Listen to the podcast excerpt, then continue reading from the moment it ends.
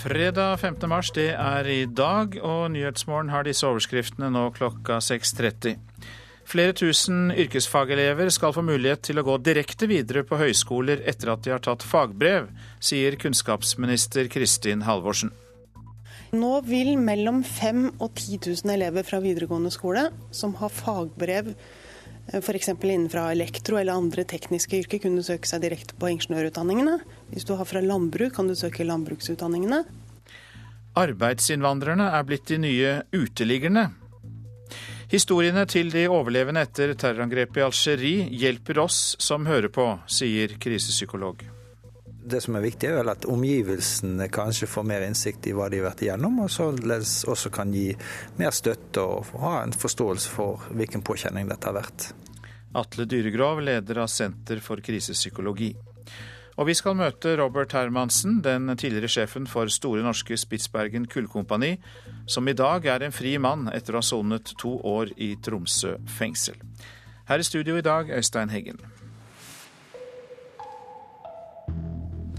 Regjeringen vil gi flere tusen yrkesfagelever mulighet til å gå direkte videre på høyskole etter at de har tatt fagbrev. Det sier kunnskapsminister Kristin Halvorsen. Den store utfordringen som yrkesfagutdanningen har hatt, det er at for mange elever ikke fullfører og tar eh, fagbrev. Vi har et stort frafall, og mange sier at det er fordi at vi ikke har en god nok veksling mellom teori og praksis. Så legger vi først bord over. Det er slike som 16 år gamle Petter Erlandsen det er snakk om. Da NRK traff tømrereleven på et tak i vinter, var han med på et prøveprosjekt med veksling mellom skole og bedrift. Mattelæreren kommer og spør oss om matterelaterte spørsmål mens vi står og bygger, og nå veit jeg hvorfor jeg regner det ut. Og hvorfor svaret må være riktig, så blir huset feil. Men andre som tar yrkesutdanning i videregående skole i dag, har det ikke slik, sier Senterpartiets skolepolitiker Anne Tingelstad Wøien. Hovedløpet skal jo være to år i skole og to år i lære. Og da har vi tenkt at det skal passe liksom alle sammen. Og det gjør de ikke. Sammen med kunnskapsministeren presenterer hun hovedendringa som kommer når regjeringa legger fram ei stortingsmelding om videregående skole i morgen. Vi eh, ser for oss at man har bedre innslag av læring i bedrift allerede første året. Eh, og at en eh, kan blande skole og bedrift bedre i alle de tre neste årene. Gjøre det mer fleksibelt og tilpasse det til den enkelte elev. Ideen om å få til mer veksling mellom skolebenk og læring på en arbeidsplass står sterkt blant mange for tida. Både utdanningsorganisasjonene og organisasjonene i arbeidslivet er for. Og hos opposisjonen på Stortinget støtter t.d. FrPs Tord Lien opp om det som nå kommer. Nei, Dette vet vi jo har fungert i mange fylker der man har gjort de forsøk med dette. Eh, og Det er også noe Fremskrittspartiet har tatt til orde for i mange år. Eh, så dette er vi eh, veldig, veldig glad for at det nå endelig ser ut til å komme på plass. Den eneste kritikken fra han må være at dette ikke har kommet før. Dette bør ha vært på plass for mange, mange år siden. Ja, Da vil jeg si gratulerer til regjeringen. Det er akkurat det byggenæringen har bedt om.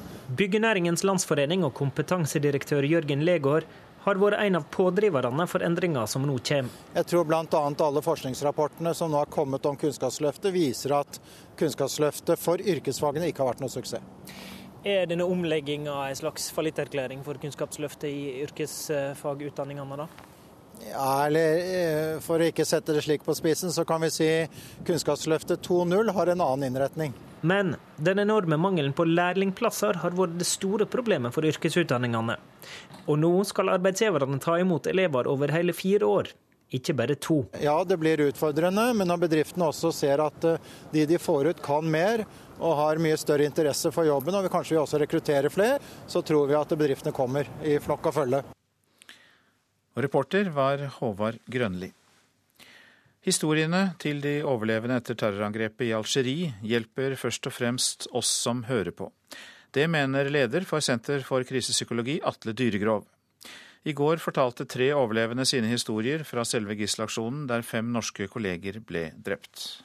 Det som er viktig, er vel at omgivelsene kanskje får mer innsikt i hva de har vært igjennom, og således også kan gi mer støtte og ha en forståelse for hvilken påkjenning dette har vært.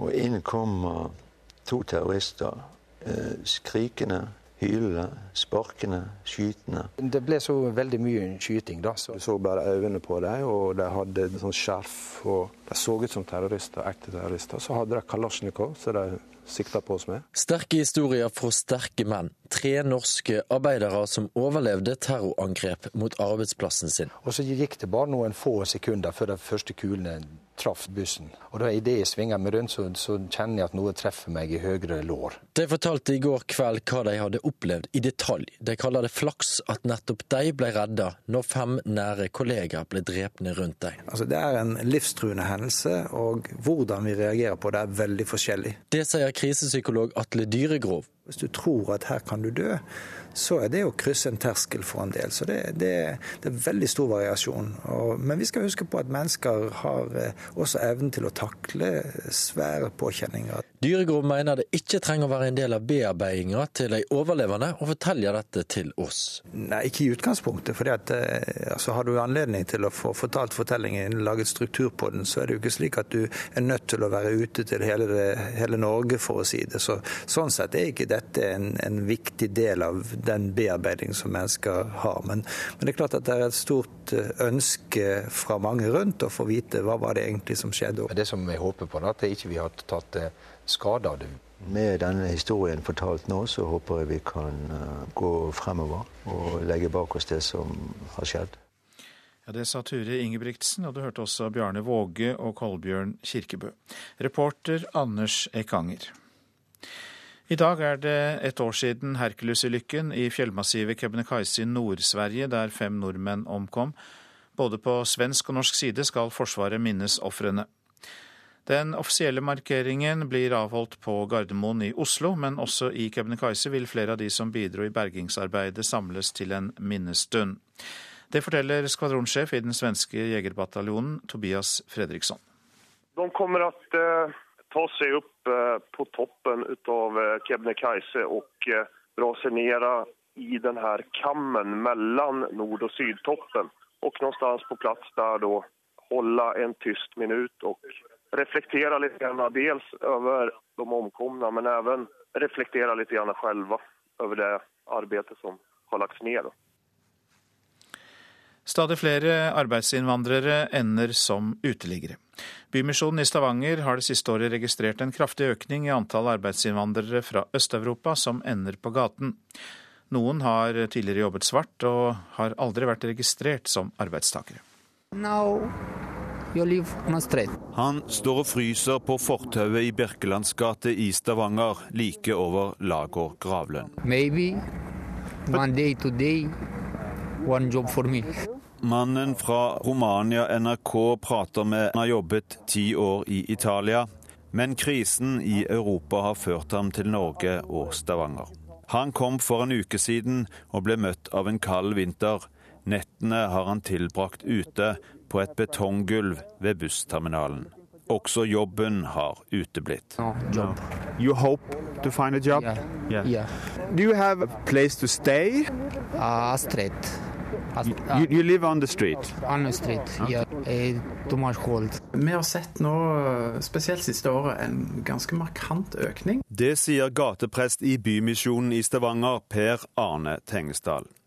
Antall arbeidsinnvandrere som overnatter på gata, har økt markant gjennom høsten og vinteren i oljebyen. Det er, dette er et omfattende problem. Det er noen som vi nå har uh, fulgt gjennom hele vinteren, som fortsatt gjerne har et håp om å, å skaffe seg arbeid.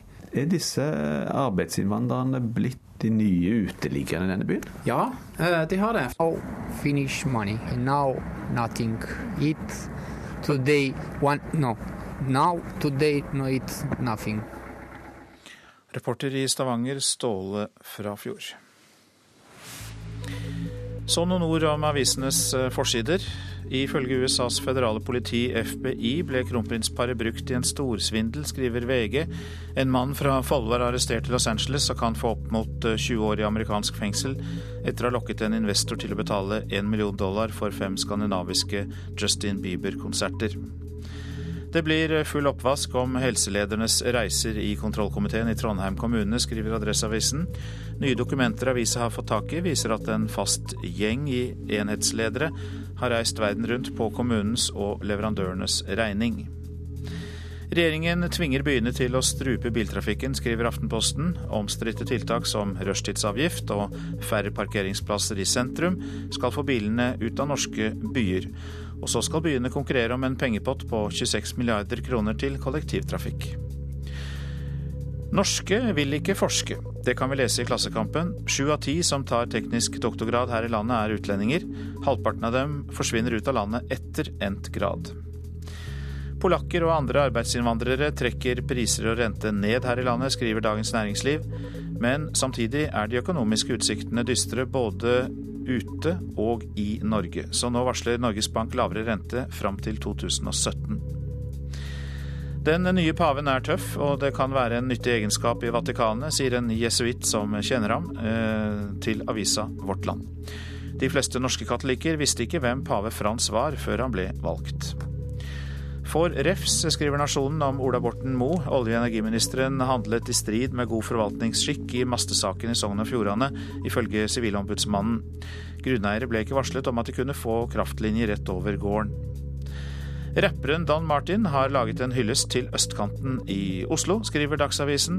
Han mener høyresiden svartmaler forholdene i Oslo øst, og hans rapplåt har spredt seg med rekordfart på nettet. Bjørn Wirkola er hedersgjest i Dagbladet. I hoppbakkene syket han ut konkurrentene. Nå må den 69 år gamle skilegenden takle Parkinsons sykdom.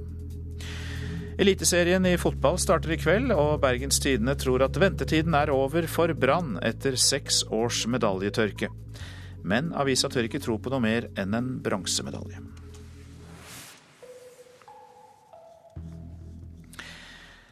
Og vi fortsetter nettopp der, for uansett snø og kulde flere steder i landet, så åpner altså Eliteserien i fotball i dag, og regjerende mester Molde møter Viking.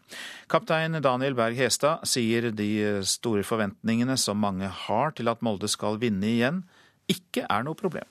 Det gir sjøltillit, en positivitet rundt laget som som vi har vært med å utvikle de siste to årene, med, med, to seriegull og, og mye bra, bra, hjemmekamper, ikke minst. Så det ser jeg bare positivt på. det. Vi, jeg føler ikke vi har, har så veldig stort press på oss. Det er noe vi legger på oss sjøl, og, og, vi har bevist i fjor at vi greier å, å ta, ta det presset.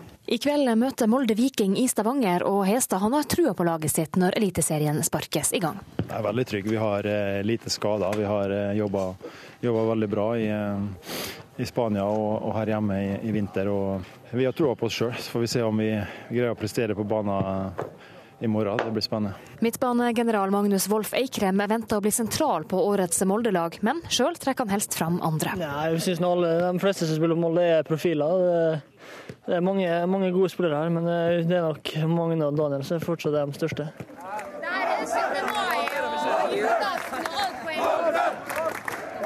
Manager Ole Gunnar Solskjær har tatt to seriegull på to år, og han har jobba med spillernes fysiske form før årets sesong. Jeg syns at vi i løpet av de to sesongene har vist frem, spesielt fremgang på fysikken. At vi er blitt mye mer mannfolk. At vi uh, ute i Europa og at vi møter store, store spillere. Fysikken vår står ikke tilbake for, for noen lenger. Solskjær ser ikke for seg typisk Molde-fotball på Vikingstadion i mars måned. Det er ikke sikkert en bane i den, eller 15. mars innbyr til, til, den type fotball som vi kommer til å spille senere i sesongen. Men det får vi se på hvordan forholdene er. Uansett så må du ville vinne kampen mer. Du må vinne flere dueller enn Viking, du må springe mer enn dem. Så det, det grunnleggende er, er, nok det, og det skal vi, skal vi være klare til. Ja, Ole Gunnar Solskjær til reporter Kari Stokke Nilsen. Ja, du lytter til Nyhetsmorgen. Klokka den er snart kvart på sju, og vi har disse hovedsakene. Flere tusen yrkesfagelever skal få mulighet til å gå direkte videre på høyskoler etter at de har tatt fagbrev. Arbeidsinnvandrerne er blitt de nye uteliggerne, erfarer de ansatte i Bymisjonen i Stavanger. Og røykernes siste bastion faller. Også i bingolokalene blir det forbudt å røyke. Mer om det litt seinere i Nyhetsmorgen. I dag går Robert eh, Hermansen ut av fengselsporten i Tromsø etter å ha sonet en dom på to år. Hermansen ble dømt for å ha mottatt et lån på fire millioner kroner fra en underleverandør til gruveselskapet Store Norske på Svalbard. Han var i mange år på toppen i nordnorsk næringsliv, så ble han dømt og havnet i fengsel. Og Hermansen sier at det fallet var stort. Ja, det er klart. Det, er et uh, mørkt kapittel i mitt liv. Men uh, heldigvis, gjennom uh, det vennskapet som veldig mange har vist meg, så har ikke dette fallet vært særlig Det har ikke påvirka meg noe særlig. Jeg har fremdeles fått oppgaver, og jeg har fått mange muligheter. Men å sitte i fengsel er naturligvis ikke noe liv. Iallfall ikke i lengden når erfaringene har kommet, og det er ikke stort mer å lære. Robert Hermansen var en svært sentral person i Store Norske på Svalbard i et par tiår. Først som styreleder, og senere som administrerende direktør. Og på Svalbard var det mange som snakka varmt om han og innsatsen han hadde gjort, også etter dommen i tingretten. Han Robert har betydd alt. Robert var the king of the long hair. Yeah. For det han har gjort, det han har gjort i beste øye med for folket å, oss se oppe her. Så vi er glad for det han har gjort, rett og slett, vi, uansett. Det var før jul i 2011 at Robert Hermansen starta soninga i Tromsø fengsel. Jeg var eh, bra uforberedt. Jeg trodde jeg kjente den delen av det norske samfunnet. Men det viste seg jo veldig fort at det gjorde jeg ikke. Men jeg eh, var eh, klar for å gå inn fordi jeg eh, fikk denne dommen for eh, en ubetenksomhet. Jeg lånte et beløp av Atle Jepsen som det viste seg var ulovlig for meg å gjøre. Så jeg eh, var fornøyd med at jeg var ferdig med alle de andre forholdet som Store Norske anmeldte meg for. Og eh, gikk inn i fengselet med åpen sinn, for å si det slik. Ja, Hva var det som møtte deg da du ble satt inn på lukka avdeling? Ja, jeg eh, ble jo da innelåst, til min store forbauselse. Og var innelåst da i eh, mesteparten av døgnet, bortsett fra spisepausene og den timen man fikk i luftegården. Hvor strengt det var, det var jeg overhodet ikke forberedt på. Og det var også en del andre ting som eh, jeg ble forbauset over, men som jeg naturligvis eh, måtte tilpasse meg. For eksempel? Ja, det var Den totale frihetsberøvelsen var veldig spesiell. For for meg så har denne følelsen av at jeg alltid er i en valgsituasjon, at jeg alltid er fri, det har gjort at jeg kunne ha lange dager, ha glede ved å utføre plikter. Jeg visste at jeg eh, hadde valget selv. Nå var det slitt at andre bestemte totalt over hva mitt døgn skulle bestå i. Og dette måtte jeg finne løsninger for på egen hånd. Hvordan tror du folk flest oppfatter deg, har du nå sett? Jeg har ingen grunn til å tro at særlig mange vil ta avstand ifra meg. Jeg eh, håper jeg får sjanse til å være en del av det nordnorske samfunnet og en del av det nordnorske næringslivet også i framtida. Det sa Robert Hermansen til reporter Lars Egil Mogård. Norske journalister blir utsatt for vold og grove trusler pga. jobben de gjør. Det kommer fram i en rapport som er utarbeidet til journalistikkonferansen Scoop. I eh, høst gjennomførte også Norsk Journalistlag en undersøkelse som viste at mange journalister har blitt truet. En helt vanlig kveld eh, sto og hang med bardisken der, så kom det en eh, vilt fremmed person opp og stilte seg opp ved sida av meg og bare sier at, på engelsk at 'jeg vet hvem du er, og jeg vet hvor du bor'. Tor Strand arbeider i mange år som journalist i VG, og er nå redaktør i abcnyheter.no.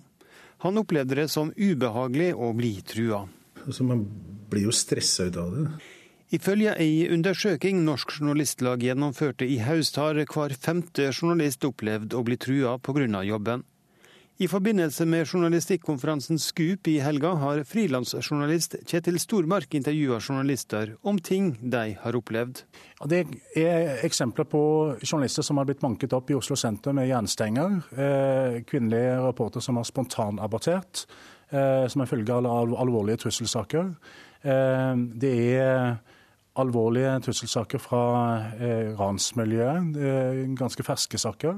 Stormark liker ikke utviklinga. Vi har foreløpig ikke opplevd at eh, journalister har blitt drept i Norge. Men det er en høyst reell fare for at vi kan få alvorlige voldssaker som får tragisk utfall hvis denne situasjonen som vi ser nå, eh, eskalerer ytterligere. En del av de som blir utsatte for trugsmål og vold, tar kontakt med rådgiver Trond Idås i Norsk Journalistlag. Han tror rapporten til Stormark bare har avdekt toppen av isfjellet og han har klare råd til de som opplever å bli trua. Ja, Det første er jo selvfølgelig å si ifra til ledelsen, og at ledelsen da forfølger dette overfor politiet. At det er ledelsen, bedriften, som håndterer dette, at ikke dette er en privatsak. De følger opp overfor den enkelte journalisten gjennom sikring, eh, både på jobb, til jobb, hjemme. Eh, og også informerer redaksjonen, sånn at det liksom det er en helhetlig tankegang og en helhetlig beredskap da når redaksjonen utsettes for alvorlige trusler. Tor Strand har lært seg å leve med at trugsmål kan komme, men han tar likevel forholdsregler. For, eksempel eh, stå aldri langt framme på perrongen på T-banen alltid helt inntil veggen, sånn at jeg hadde alle andre foran meg. Sånn at ingen kan komme bakfra og dytte. Eller at du veksler på å bruke utganger på jobben. Gå ut kjellerdøra en dag og garasjedøra en annen dag, eller variere en del. Reporter Espen Alnes. Regjeringen og et samlet storting forbyr røyking på bingo. Røyk på offentlig sted har jo vært forbudt i ni år, men på ett område har røykerne tviholdt på sine rettigheter. Nå faller også røykernes siste bastion, bingolokalene. Birge. Geir Fredriksen spiller bingo nesten hver dag. Og røyken er en trofast følgesvenn. Det, det betyr vel nesten alt. Jeg, nesten daglig så går jeg og spiller litt bingo, drikker kaffe og sitter inne og røyker og koser meg. Så hvis det blir borte, da slutter jeg å gå på bingo. Bingoer har hatt dispensasjon fra røykloven i ni år, men nå faller røykernes aller siste bastion. For regjeringen vil forby alle røykerom. Leder for Norges bingo- og lotteriforbund, Tage Gulbrandsson, sier at dette ikke er uventet. Så har utviklingen gått sin gang, og på et eller annet tidspunkt så måtte man vente at man ville få innstramning. Og det er det som nå skjer. Så håper vi jo da at eh, de som har prøvd eh, røykefrie løsninger, at det ikke har gått helt ille. At det også skjer generelt i Norge når dette da eh, gjennomføres. Bingoer er ikke serveringslokaler. Derfor har Norges godt over 200 bingoer hatt lov til å ha røykerom, sier statssekretær i Helse- og omsorgsdepartementet Nina Tangenes Grønvoll. Nå viser undersøkelser at røykerom, selv om det er ventilasjon, ikke ikke beskytter godt nok mot passiv røyking, og at vi også får en del klager på røykerom. Så vi mener at tiden har vært inne for å ta bort denne unntaksmuligheten. Det stemmer også med de anbefalingene som Verdens helseorganisasjon har gitt til oss.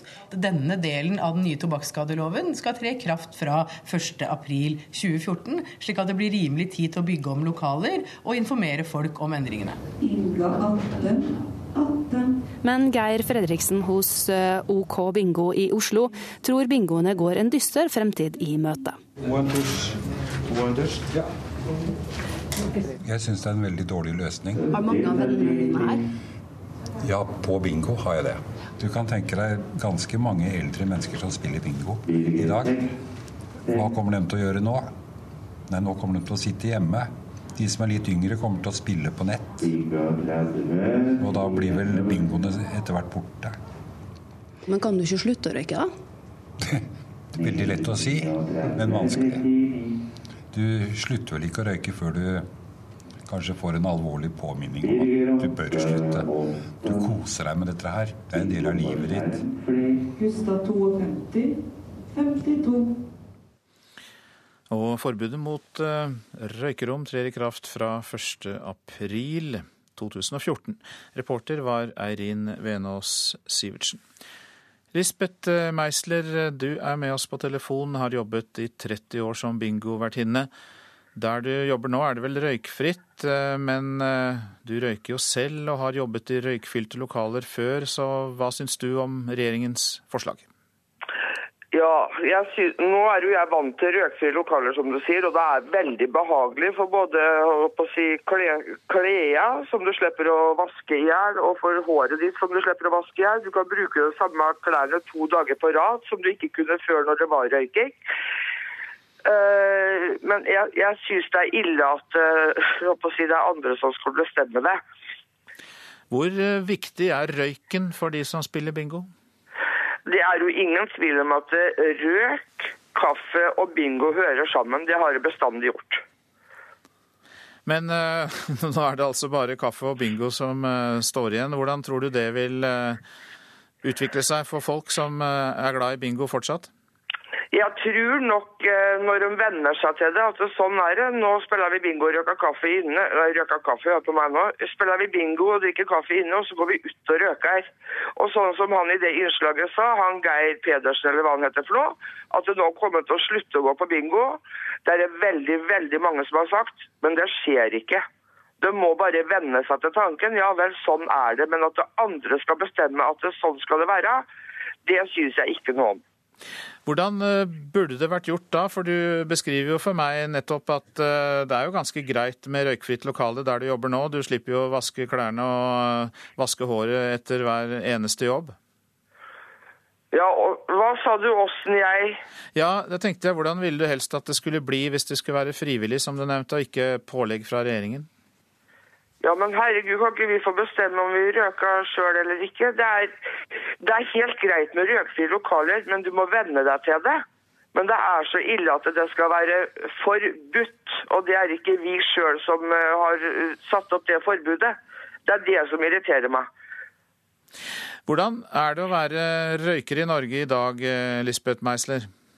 Ja, det er Vi røker som rakkeren hjemme nå før vi går ut på diverse kafeer og på bingo her. Og så Ja, det er jo det er greit, egentlig. Og det er jo ikke bare i Norge som det er sånn. Det er jo andre land som det er mye verre i. Så du er nødt til å ta noen kraftige magedrag før du drar ut på byen? Magedraget er tatt. Vi får bare gå ut og fryse på småunger. Men nå er det jo innmari fint. Nå er det vår og sommer, så da er det jo bare deilig å stå ute. Men det er ikke koselig om vinteren. Og hvis du er på restaurant, da, hvis vi glemmer bingoen for en liten stund, og du har spist en middag, du har tatt deg kanskje en irish til dessert, så må du kle på deg og gå ut og ta en røk. Det ligner jo ikke grisen, vet du. Vi får bare håpe på våren, Lisbeth Meisler. Den kommer nok nå. Våren kommer, det er ikke noe problem, og folk slutter ikke å gå på bingo selv om det blir røykfrie lokaler. Det er garantert, for det har jeg sett sjøl. Det er helt toppers. Takk skal du ha, Lisbeth eh, Meisler, du som altså da er eh, bingovertinne, og som faktisk da jobber i et røykfritt lokale nå, men selv er røyker. Så skal vi si litt om eh, været framover. Langfjella, liten kuling utsatte steder. Tilskyende fra i formiddag litt snø av og til, først i sør. Fjellet i Sør-Norge unntatt Langfjella, for det meste pent vær. I kveld noe tilskyende i sør. Østlandet for det meste pent. Fra i formiddag tilskyende mulighet for litt snø av og til. Oppholdsvær nord for Mjøsa. Telemark, der blir det litt snø av og til i dag. Agder på kysten vest for Lindesnes kan hende opp i stiv kuling. Snø av og til, etter hvert sludd på kysten i vest. Så var det Rogaland. Sørøstlig oppe i stiv kuling utsatte steder og på kysten. Fra i ettermiddag sterk kuling sør for Stavanger. Perioder med snø, vesentlig fra i ettermiddag. Hordaland sørøstlig liten kuling utsatte steder. Fra i ettermiddag stiv kuling. Skyet oppholdsvær. Fra i ettermiddag litt snø av og til. Sogn og Fjordane sørøstlig liten kuling utsatte steder og oppholdsvær. I kveld litt snø, først i sør. Møre og Romsdal liten kuling ytterst på kysten i sør og pent vær. I kveld sørøstlig bris og tilskyende i sør. Trøndelag sørvestlig opp i liten kuling på kysten i formiddag. Enkelte snøbyger på kysten, og i nord ellers stort sett pent. Helgeland og Saltfjellet opp i liten kuling på kysten. I ettermiddag sørøstlig bris. Enkelte snøbyger, vesentlig i ytre strøk, ellers opphold. Salten, Ofoten, Lofoten, Vesterålen og Sør-Troms. Enkelte snøbyger, vesentlig i ytre strøk. Perioder med sol, særlig da i indre strøk. Nord-Troms, kyst- og fjordstrøkene i Finnmark. Spredte snøbyger på kysten av Øst-Finnmark, ellers stort sett pent.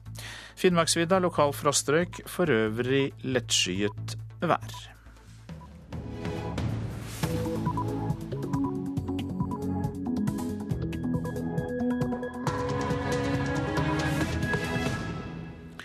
Klokka den er sju, og du lytter til Nyhetsmorgen. Her er en uh, nyhetsoppdatering.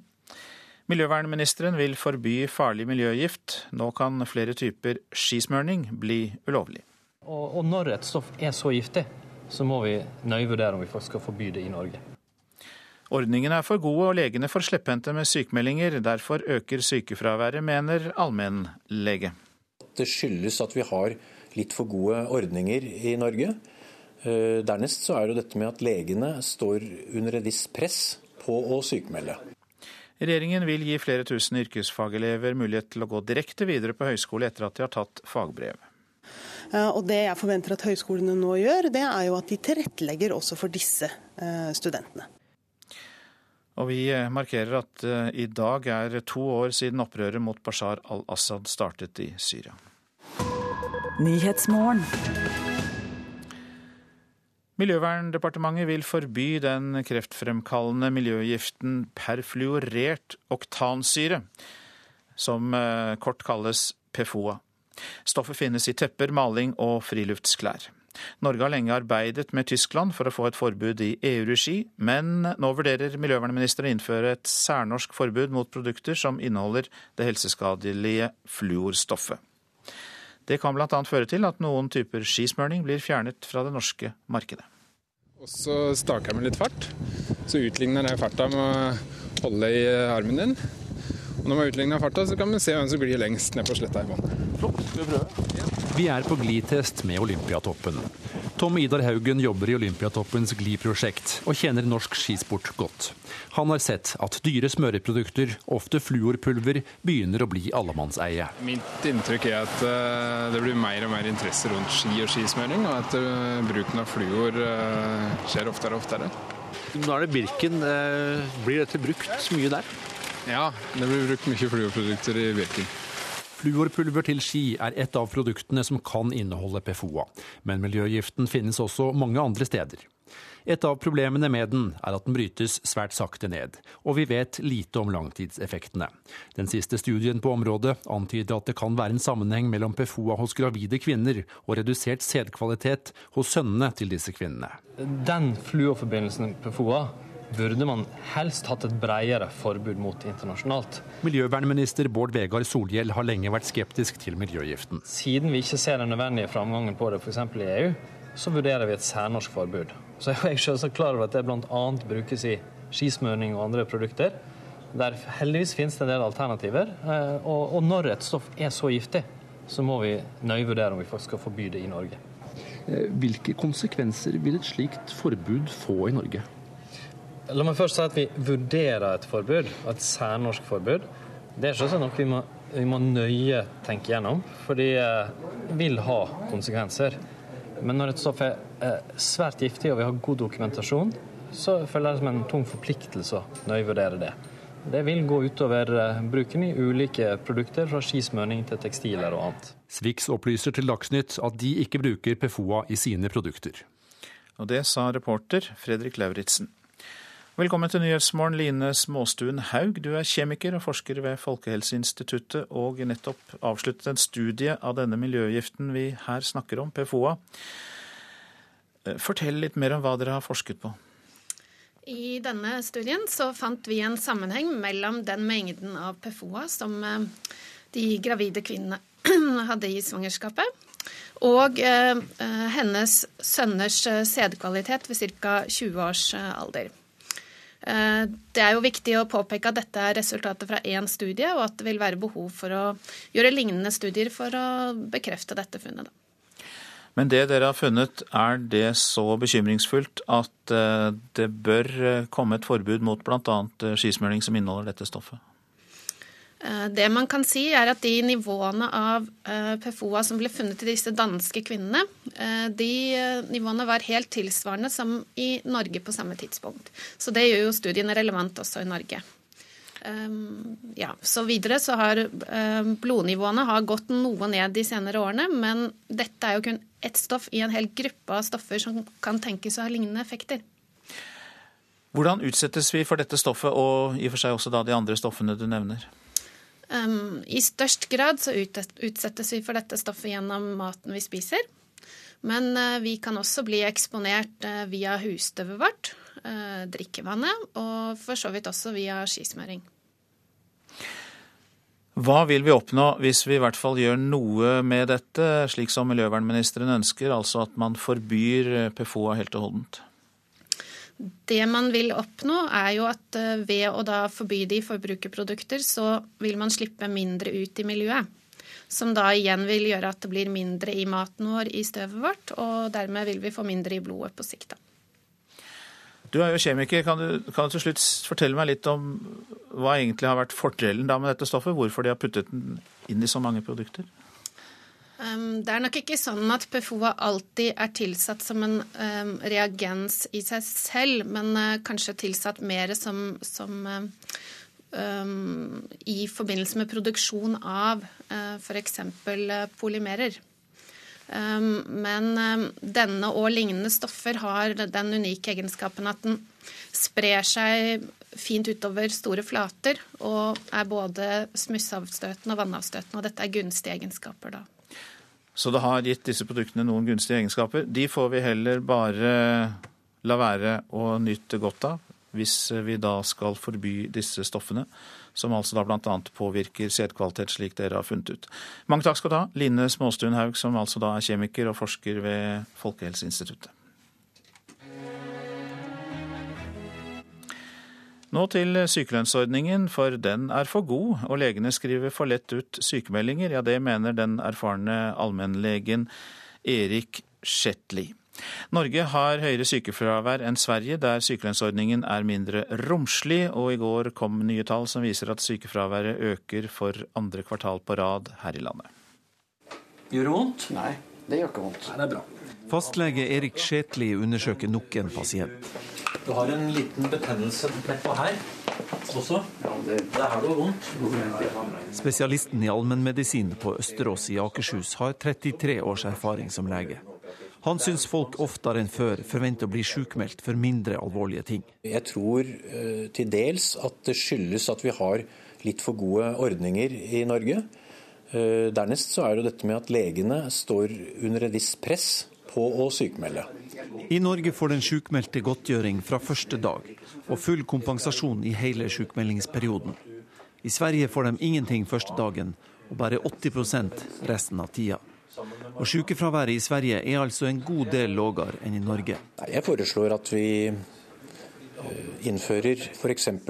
90% sykelønn i to-tre måneder. Shetli kritiserer òg sine egne. Eh, ja, jeg tror at en del leger er for slepphendte med å skrive sykemelding. Iallfall i forhold til det regelverket som vi har i dag, som er, egentlig er forholdsvis strengt. Folk sier jo gjerne at de skal sykemelde seg selv.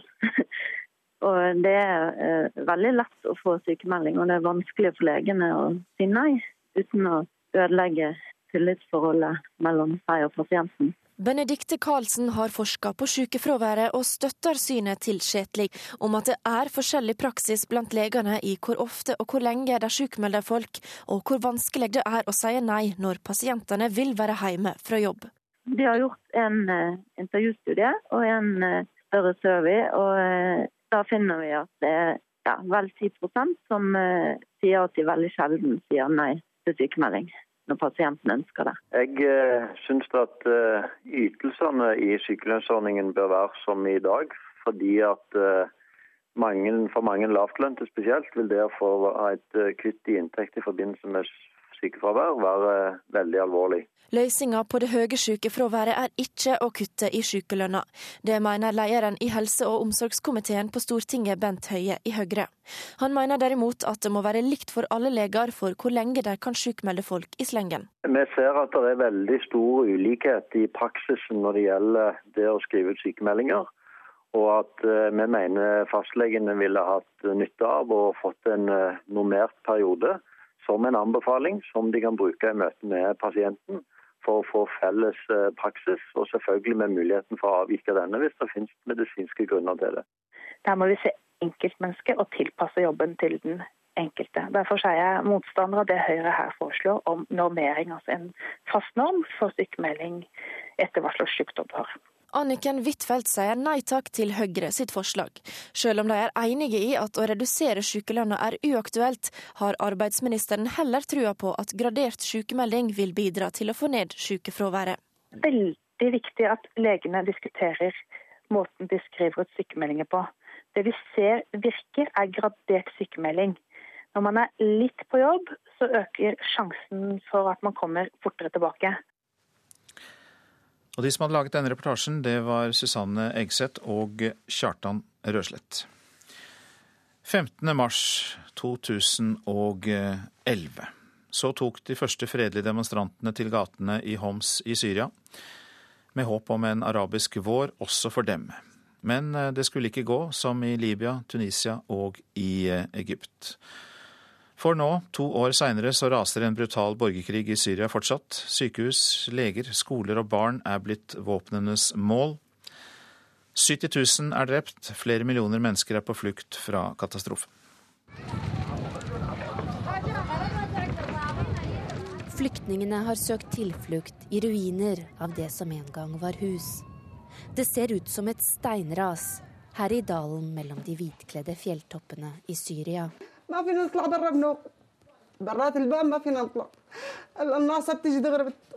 Datteren sitter barføtt på fanget hennes mens hun forteller om flukten fra Homs. Vi kunne ikke bevege oss utendørs. Snikskyttere lå på takene og skjøt rett på oss. Vi så barn falle døde om. Til sist hadde vi ingen andre muligheter enn å flykte.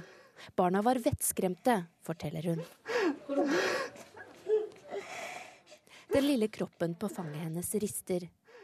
Det er kaldt, men minnene som herjer dem. Frykten, sorgen. To år er gått. Jenta er ikke stort eldre selv, født inn i en krig der barn som henne er blitt legitime mål.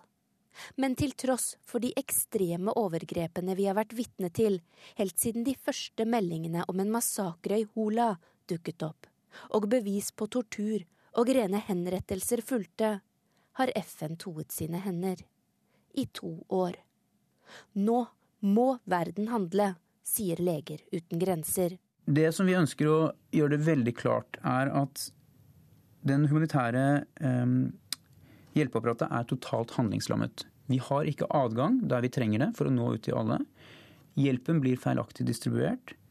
Leger og sykehus er eh, legitime mål for bombing og forfølgelse. Eh, og vi trenger at det internasjonale samfunnet, landene rundt, FN, oppretter en humanitær korridor, slik at vi kan få hjelpen inn og ofrene ut. Feltarbeider Sebastian Stein i Leger uten grenser hørte vi til slutt i dette innslaget, og han ble intervjuet av utenriksmedarbeider Charlotte Bergløff. Midtøsten-korrespondent Sigurd Falkenberg Mikkelsen, du var i Syria i forrige uke, og har også vært der flere ganger tidligere. Ja, vi har hørt om den fortvilte situasjonen. Hva kan du fortelle oss om de forandringer du har sett i løpet av de gangene du har vært der?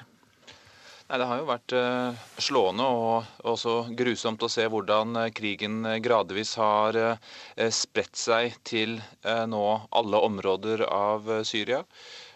I Damaskus, hovedstaden, så lyder nå artilleriet dag ut og dag inn. Aleppo en, av, en, by med den samme historiske dybden er så å si ødelagt. Og over hele landsbygda så er det nå frykt og krig som herjer i de aller fleste områdene eh, nå. Slik at dette har blitt en, blitt en eh, katastrofe med store proporsjoner. Eh, og det har også vært slående å se hvordan flyktningstrømmen gradvis har økt. Eh, de første flyktningene jeg traff, var stort sett politiske flyktninger, folk som var involvert i protestbevegelsen. Eh, deretter kom det mindre grupper fra de lokaliserte områdene hvor det var kamper, eh, fram til i dag hvor det nå er eh, over en million mennesker utenfor Syrias grenser. Jeg sto på grensen til Jordan for ikke så lenge siden og så hvordan tusenvis av mennesker der krysset grensen hver eneste natt. I tillegg så er det svært mange som er internt fordrevne. Så dette, dette har utviklet seg til en av vår tids aller verste humanitære kriser også. Du har jo også snakket med mennesker som fortsatt bor i eh, Syria. Hvordan virker krigen inn på deres hverdag? De har det tøft. Eh, det er grader eh, og det er forskjeller. Det er klart at de som bor i de direkte rammede krigssonene, som kommer fra bydeler f.eks. i Homs eller i Aleppo, de, de, har det ekstremt tøft. Men også alle andre som har vært, kanskje hatt en litt enklere hverdag fram til nå, merker det, som, som i Damaskus. Der er det flere ting. altså Det er vanskelig å få tak i bensin og mat og, og slike ting. Det er fortsatt mulig, men krevende. Og så er det også en kriminalitetsbølge som preger store deler av landet. Så folk er veldig redde for å bevege seg eh, utenfor eh, huset, og i hvert fall ikke langt unna. Og sånn som Da jeg var i Damaskus, så var jo det en by som eh, etter mørkets frambrudd var så å si helt stille. Fordi folk er redde for å bevege seg ute, og redde særlig da for kidnappinger og, og, og ran. Til slutt, hva må til for å få slutt på krigen, tror du? Eh, alle kriger tar jo slutt på et eller annet eh, tidspunkt, eh, men akkurat nå er det ikke så lett å se hvordan denne konflikten skal ende. Det internasjonale samfunnet er låst, og dette preger jo også i veldig stor grad Midtøsten. Det er jo dype skillelinjer her som, som går på, på, på, flere plan. Sånn at akkurat nå så, så, er det, så er det vanskelig å se noen rask utgang på dette. Mange takk, Midtøsten-korrespondent Sigurd Falkenberg Mikkelsen. Ja, dette er Nyhetsmorgen, og klokka den eh, nærmer seg 7.17. Vi har disse hovedsakene. Det høye norske sykefraværet skyldes at ordningene er for gode, og legene for lett lar seg presse til å sykemelde, mener allmennlege. Noen av skismørningene som brukes i Birken kan bli forbudt, inneholder for farlige giftstoffer, mener miljøvernministeren. Og allergikerne kan slippe sprøytevaksine, de kan bli helt kvitt sin allergi ved hjelp av en pillekur. Mer om det snart her i Nyhetsmorgen.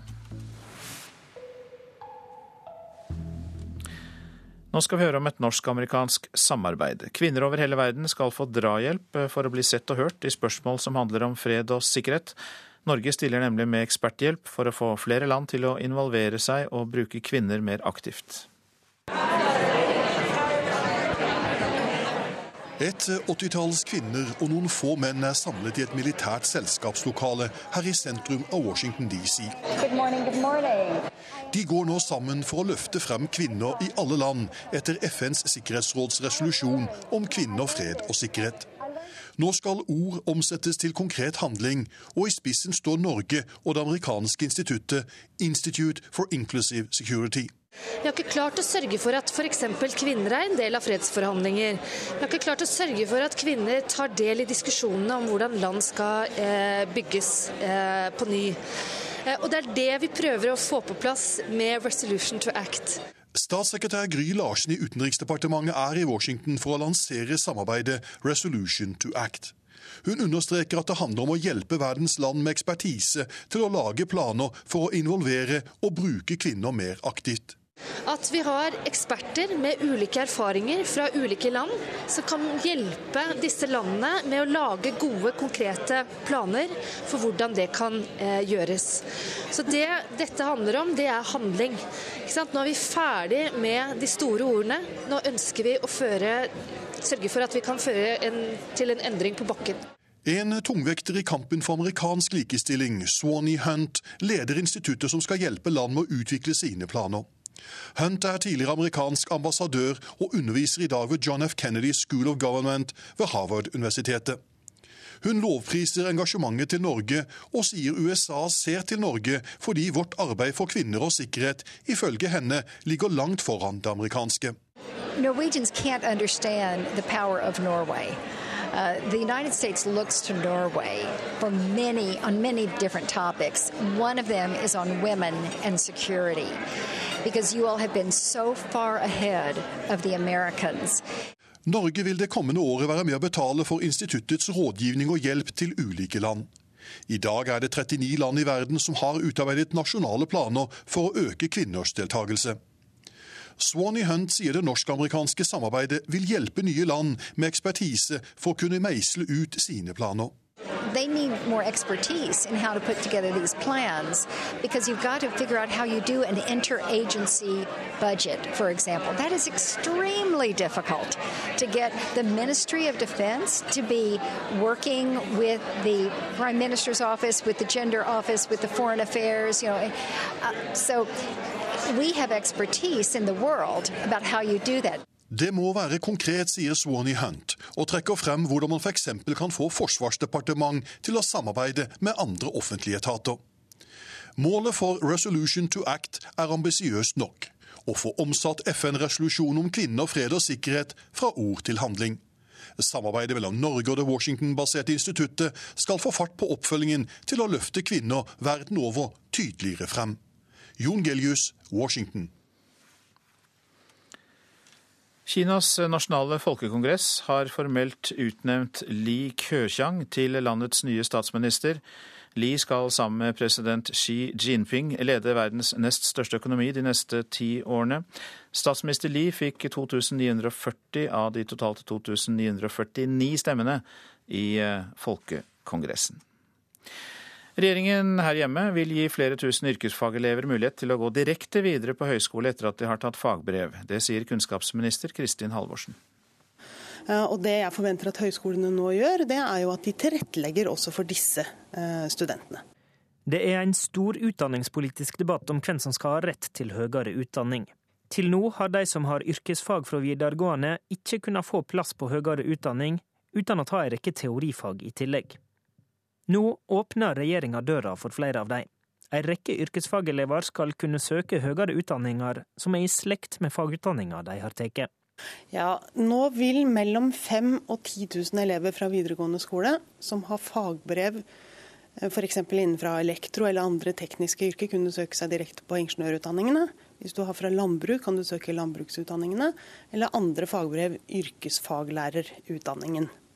Ola Stave i Universitets- og høgskolerådet er avventende til reformen, men tror at i verste fall kan dette bety at de får inn studenter med svakt teorigrunnlag.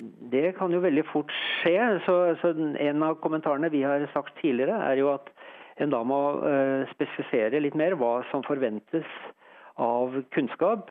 Det er klart at Skal du kjøre forkurs eller sommerkurs, så er det ressurskrevende. og Det er ressurser som uh, som da vil enten bli tatt ifra kvaliteten på andre fag, eller så må det stilles ressurser til disposisjon for universiteter og høyskoler fra departementet for å kunne gjøre det. Reporter her, det var Håvard Grønli. Politikerne må ta tilbake styringen av boligpolitikken, det sier nestlederen i SV, Inga Marte Torkelsen. I formiddag innleder SV sitt landsmøte, der boligpolitikken blir ett av temaene. Leder i ungdomsorganisasjonen, Andreas Halse, mener regjeringens boligpolitikk er feilslått. Men at dagens eh, boligpolitikk eh, vitner om en generasjon veletablert eh, middelklasse som har trukket stigen opp etter seg, etterlater en hel generasjon ungdom uten mulighet til å komme seg inn på boligmarkedet. På en kaffebar i Oslo treffer vi Andreas Halse, leder i SU. SV har sittet i regjering i åtte år. Hva synes du om det de har gjort for å få en bedre boligpolitikk? Jeg syns at boligpolitikken har eh, vært ikke-eksisterende i Norge de siste 30 årene. Det kommer SV til å ta tak i på landsmøtet nå. Foreslå strengere beskatning for sekundærboliger og mer offentlig utbygging. Det er jeg glad for. Lederen for SVs programkomité, Inga Marte Torkelsen, innrømmer at det er store utfordringer i boligpolitikken, og at det trengs mer styring. Det handler jo om en trend som har vart siden eh, Kåre Willoch overtok regjeringsmakta på 80-tallet. At man har overlatt altfor mye av dette til markedet. Og nå tror jeg det er stemning for, blant flere partier, ikke bare oss, og i hvert fall i folket, at vi har en eh, tydeligere politisk styring om dette. Hun mener det må bygges mer, og at byggingen ikke bare kan overlates til kommersielle krefter. Og staten må kunne gripe inn når det gjelder planleggingen, sier hun. Det å få en skikkelig boligplan som varer over år, sånn at vi kan bygge både sosialt, legge til rette for grønne lunger og sikre at uh, ungdom kommer inn på boligmarkedet, det er kjempeviktig. Du sier at dette har vart siden Kåre Willoch satt med regjering på 1980-tallet, men nå har dere hatt åtte år til å endre politikken. Hvorfor har dere ikke gjort noe? Ja, Det har vært gjort en del grep. Eh, men det vi eh, fra SVs side savner, det er en langsiktighet i boligpolitikken. At man ser lenger fram. Og at man også er villig til å eh, både overstyre kommuner der hvor det er nødvendig, sikre at, at fylker samarbeider, og at vi bygger flere boliger med sosial profil. Reportere her Per Arne Bjerke og David Krekling. Så skal vi titte på noen av avisenes forsider. Ifølge USAs føderale politi, FBI, ble kronprinsparet brukt i en storsvindel, skriver VG. En mann fra Follo er arrestert i Los Angeles og kan få opp mot 20 år i amerikansk fengsel etter å ha lokket en investor til å betale 1 million dollar for fem skandinaviske Justin Bieber-konserter. Det blir eh, full oppvask om helseledernes reiser i kontrollkomiteen i Trondheim kommune, skriver Adresseavisen. Nye dokumenter avisa har fått tak i, viser at en fast gjeng enhetsledere har reist verden rundt på kommunens og leverandørenes regning. Regjeringen tvinger byene til å strupe biltrafikken, skriver Aftenposten. Omstridte tiltak som rushtidsavgift og færre parkeringsplasser i sentrum skal få bilene ut av norske byer. Og så skal byene konkurrere om en pengepott på 25 milliarder kroner til kollektivtrafikk. Norske vil ikke forske. Det kan vi lese i Klassekampen. Sju av ti som tar teknisk doktorgrad her i landet, er utlendinger. Halvparten av dem forsvinner ut av landet etter endt grad. Rapperen Dan Martin har laget en hyllest til østkanten i Oslo, skriver, skriver Dagsavisen. Han mener høyresiden svartmaler forholdene i Oslo øst, og hans rapplåt har spredt seg med rekordfart på nettet. Bjørn Wirkola er hedersgjest i Dagbladet i dag. I hoppbakkene psyket han ut konkurrentene. Nå må den 69 år gamle skilegenden takle Parkinsons sykdom.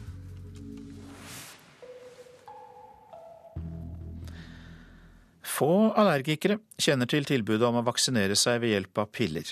De fleste får sprøyter med allergivaksine, men det krever tre år med svært hyppig besøk på sykehus eller hos spesialist, og mange velger derfor å la det være. Dette er hverdagen for ganske mange av oss, og nå setter det snart i gang for alvor. Det er allergisesong. Men mange flere nå kunne sluppet plagene, for hjelpen har kommet nærmere enn de fleste er klar over. Vi har i mange år holdt på med allergivaksinasjon, som er i form av sprøyter, som må settes eh, her på avdelingen eller hos leger som driver med dette, hver åttende uke i tre år, hvis det er snakk om pollenallergi. Disse sprøytene har blitt erstattet med en tablett, en smeltetablett, som tas én gang daglig. Det sier overlege Håkon Skau ved Drammen sykehus. Den tradisjonelle sprøytebehandlingen er tidkrevende. Pasienten må ta sprøyte én gang i uka de første syv ukene, og deretter hver åttende uke i tre år. Men pillene er mye enklere. Med tablettformen så er det slik at man tar én av disse smeltetablettene hver dag, og det må man huske på å gjøre selv, da. Hver dag i tre år, det også. Vi er i vaksinerommet på Drammen sykehus. Pasienten Morten Myhrvold er innom for å få sin ukentlige sprøyte. Veldig mange vegrer seg for sprøytebehandling mot allergi, fordi behandlingen er så omfattende. Men Myhrvold tok til slutt skrittet. Men han visste ikke at det kunne gjøres mye enklere med en pille. Nei, jeg var egentlig ikke klar over at han kunne få medisin i det hele tatt. måte, Fordi at jeg eh, ved en tilfeldighet var innom til en annen undersøkelse som jeg fikk eh, tilbudet. Han har flere allergier, og da må han uansett behandles med sprøyte. For foreløpig er allergivaksinepillen for de som er allergiske mot gress. Men det er flere vaksinepiller mot allergi på gang. De firmaene som produserer sprøyteformen, de er i ferd med å utvikle tabletter også for eh, bjørk i første omgang, og så kommer det flere andre ting etter hvert. Ja. Pillene er ikke helt nye på markedet, men svært få er klar over at de finnes. Det gjelder også fastlegene. Hadde de hatt kunnskapen, kunne mange flere vært behandlet på en enkel måte. For allergivaksine med piller er like effektiv som sprøytebehandling. Etter tre år er de fleste kvitt allergien. Men det nytter ikke å starte nå for å bli allergifri til sommeren. Tingen er at Oppstart av en allergivaksinering må gjøres utenfor sesongen. Helst på høsten eller tidlig på vinteren må man starte opp. Men den som har startet i tide, kan bare glede seg til sommeren. Ja, Det skal bli deilig å kunne slippe alle, alle piller og sprøyter og nesespray og alt som er. Ja, det sa Morten Myhrvold, og vi hørte også overlege Håkon Skau ved Drammen sykehus, reporter Raymond Dalen. Virussykdommen sars ble stoppet, men nå har et nytt sars-lignende virus dukket opp. Mer i reportasjen etter Dagsnytt. Produsent for Nyhetsmorgen, Kari Bekken Larsen. Her i studio, Øystein Heggen.